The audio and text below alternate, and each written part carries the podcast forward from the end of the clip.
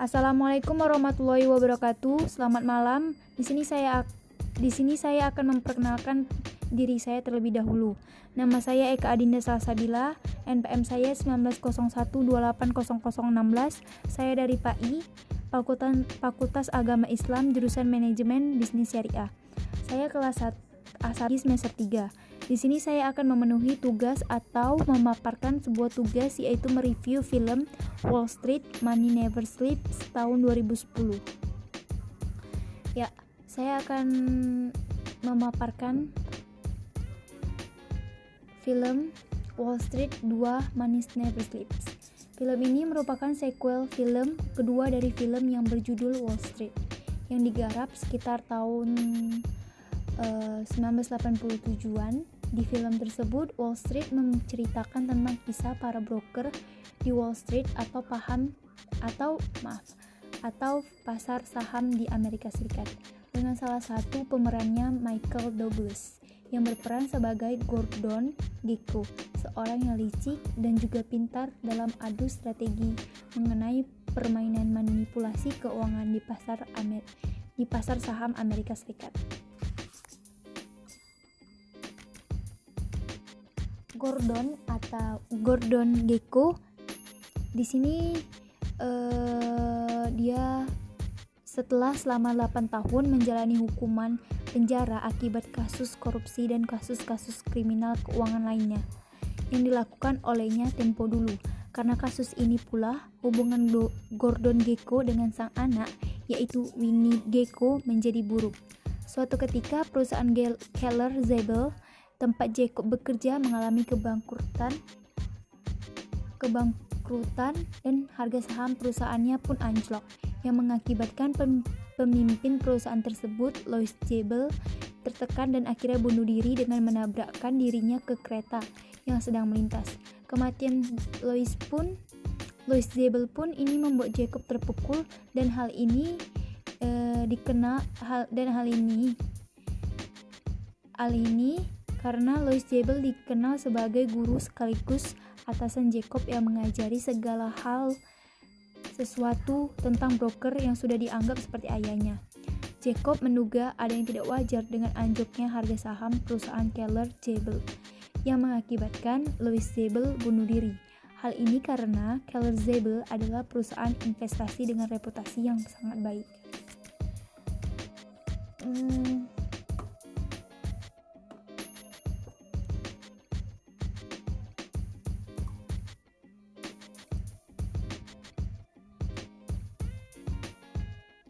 Film ini mengambil lokasi di kota New York, sama seperti film pertamanya.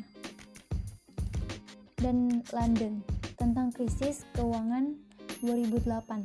Plotnya berpusat pada Gordon Gekko yang kembali dimainkan oleh Michael Douglas, yang sedang memperbaiki hubungan dengan putrinya.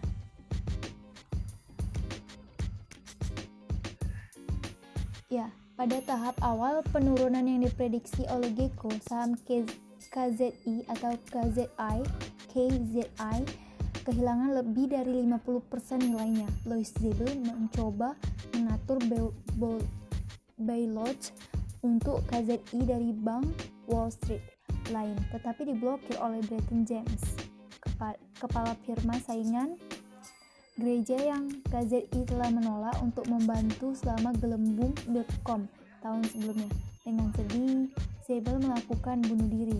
Ya, yang seperti saya bilang seperti yang seperti saya bilang sebelumnya. Kemudian Jack menghadiri penggalangan dana yang uangnya tuh sekitar yang uangnya tuh sebesar 10.000 US dollar per kursi dengan Winnie dengan putrinya membeli kursi untuk Gecko untuk memfasilitasi pertemuan kebetulan. Gecko menghadapkan Breton dengan apa yang ia lakukan pada dirinya dan kepada KZI. Breton menjawab bahwa tidak ada yang peduli dengan apa yang dipikirkan Gecko lagi. Gecko juga menabrak Bud Fox atau Charlie Sheen yang setelah dibebaskan dari penjara menjadikan Blaster Airlines, Airlines menjadi sukses besar menjualnya dengan harga jutaan dan pensiun dari bisnis untuk bermain golf dan menjadi seorang dermawan. Gecko mengikuti Winnie di luar, di mana dia menjelaskan mengapa dia menyalahkannya atas segala sesuatu yang salah yang berasal dari perselingkuhannya dan bunuh diri saudaranya yaitu Rudy. Gecko mengklaim dia bekerja dari penjara untuk mendapatkan terapis terbaik dan bahkan membayar seorang pengedar narkoba untuk berhenti menjual kepada Rudy yang meninggal karena overdosis. Dan sang putri Winnie pun memaafkannya.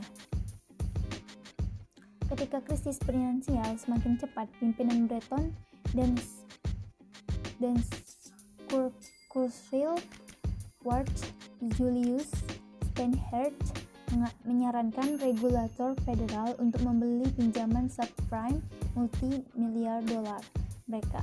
Ketika lahannya Ketika lahan yayasan runtuh, Jack membantu Sylvia dengan uangnya sendiri. Tidak lama kemudian, Putri Gecko pun memberitahu kepada Jack bahwa ia mengharapkan anak pertama mereka. Ya, di sini Jack dan Winnie udah menikah. Dan Winnie sebagai seorang istri wajar dong meminta anak pertama ya kan.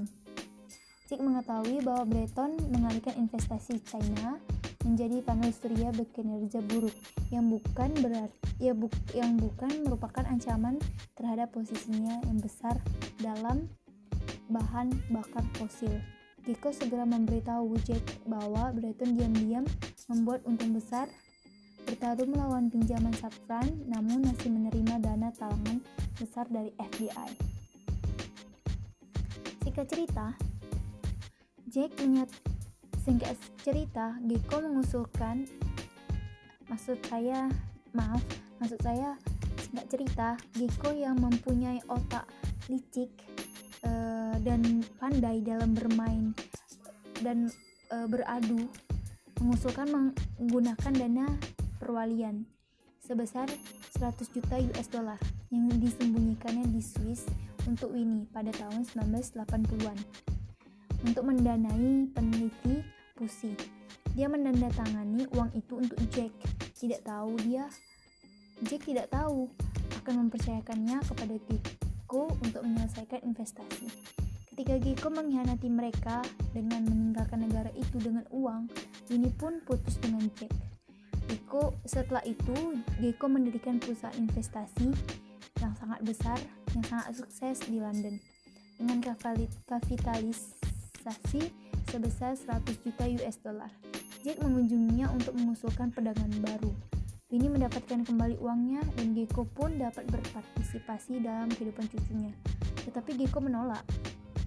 Dan kemudian pada saat itu, pada setelah berlangsungnya semua uh, pikiran atau rencana busuknya Gecko, kemudian Jack menyatukan semua perincian transaksi Breton mulai dari kerutan KZI hingga jaminan pemerintah yang tidak perlu dari perusahaan Breton. Dia memberikan informasi kepada Winnie. E, maksudnya tuh di sini Jack itu mencari informasi tentang kebusukan yang udah direncanakan oleh Gecko. Dia ingin kayak seperti membuktikan bahwasanya di ter, terhadap perusahaan gazet itu pasti ada yang nggak wajar gitu. E, ya karena ulah busuknya si Gecko kemudian uh, Jack mengatakan kepadanya bahwa mengungkapkan mengungkapkan itu akan membawa publisitas dan kredibilitas situs webnya. Ketika Winnie menjalankan ceritanya, Breton mendapati dirinya di bawah pengawasan ketat pemerintah yang dipecat oleh dewan perusahaannya yang kemudian beralih ke perusahaan Gecko untuk bermitra yang baru-baru ini membukukan pengembalian investasi sebesar 1,1 miliar US dollar. Setelah itu, setelah Breton uh, didapati dalam pengawasan ketat pemerintah yang dipecat oleh dewan perusahaan, kemudian dia tuh nggak pantang menyerah loh. Dia tuh uh, apa ya? Dia tuh nggak pantang menyerah dan dia itu cari di mana perusahaan yang bisa menerima dia. Ternyata dia masuk ke perusahaan Gecko untuk bermitra untuk berang ya untuk ber apa ya untuk bekerja sama lah intinya setelah itu uh, Jack telah berhasil rujuk dengan Winnie kan sebelumnya mereka putus kan mungkin karena ayahnya eh, mungkin ya mungkin karena ayahnya si Geko itu yang nggak menginginkan hubungan si putrinya itu berjalan baik dengan si Jack ternyata Jack yang yang dengan uh, dengan apa ya Jack itu dengan percaya dirinya dengan keteguhan hatinya dia uh, mencoba untuk rujuk kembali kepada Winnie di New York. Ketika suatu malam, Gecko pun muncul. Lalu di sini Gecko sebagai otak yang licik dan sangat licik, dia muncul untuk meminta maaf dan mengakui semua apa yang udah terjadi dan mengatakan kepada mereka bahwa ia secara anonim atau secara dirinya sendiri telah menyetor uang sebesar 100 juta US dollar ke dalam rekening penelitian pusing. Dan kemudian, satu tahun kemudian, Deko, Sylvia, dan keluarga beserta teman-teman lainnya menghadiri pesta ulang tahun pertama Louis, Yakub, dan putra Winnie. Ya, di sini ceritanya Jack sama si Winnie itu udah nikah, terus mereka udah punya anak gitu. Uh, menurut saya sih cerita yang di dalam film ini tuh sangat berkaitan ya dengan materi yang diberikan kepada uh, kami selaku mahasiswa dan mahasiswi berkaitannya tuh ya tentang pasar modal yang tadi kan. Pasar modal yang berhubungan dengan uh, transaksi investasi saham. Ya dan di sini sutradaranya menurut saya itu mereka ingin mengenalkan bagaimana sih pasar modal bagaimana sih saham gitu kan. Maksudnya bagaimana transaksi cara cara transaksi di dalam persahaman itu bagaimana cara membelinya bagaimana dan ya seperti itu sih. E, dan kita sebagai orang asing yang buta akan e, dunia persahaman. Nah mungkin cocok film ini ditonton dan dimengerti lah istilahnya. Kalau misalnya kita ingin sekali untuk membuka saham atau ingin sekali mempelajari saham mungkin ini film yang recommended recommended untuk kita nonton biar kita tahu kan saham itu kayak apa gitu kan. Kan sebagian orang ada tuh yang kayak misalnya pening pusing terus kayak pengen tahu tapi bingung gitu kan. Jadi ya mungkin ini referensi atau rekomendasi uh, film buat kalian yang kepo kan tentang dunia persahaman itu bagaimana gitu.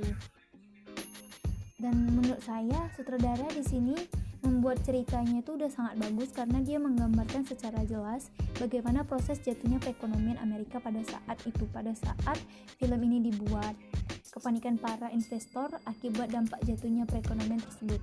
Nah, di sini kan katanya kepanikan para investor. Kembali lagi kepada cerita.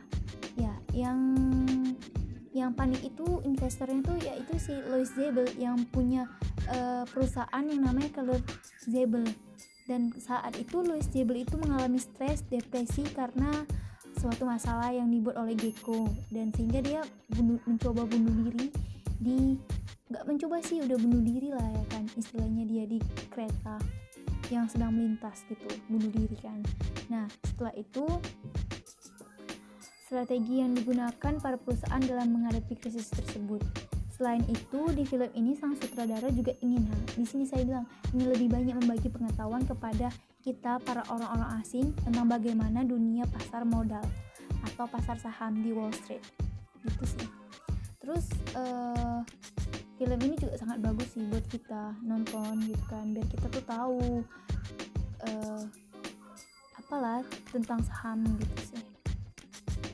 Ya film ini sudah lama sih di dirilis ya dirilis. Udah udah lama. Lah filmnya udah dua. Satu versi yang tahun 18 1987 yang kedua tahun 2010 digarap gitu. Ya diganti lah pemainnya. Hmm, ya mungkin segini saja. Uh, pemaparan untuk memenuhi tugas mereview film Will Street Wall Street Money Never Sleeps 2010 ini apabila ada kesalahan dari tata cara pengucapan saya di sini saya mohon maaf yang sebesar-besarnya kepada ibu dosen yang terhormat dan saya mohon ampun kepada Allah Subhanahu wa taala. Saya akhiri dengan melafazkan Alhamdulillah, sekian dari pemaparan tugas saya. Saya ucapkan wassalamualaikum warahmatullahi wabarakatuh. Saya maaf, saya ucapkan terima kasih dan wassalamualaikum warahmatullahi wabarakatuh.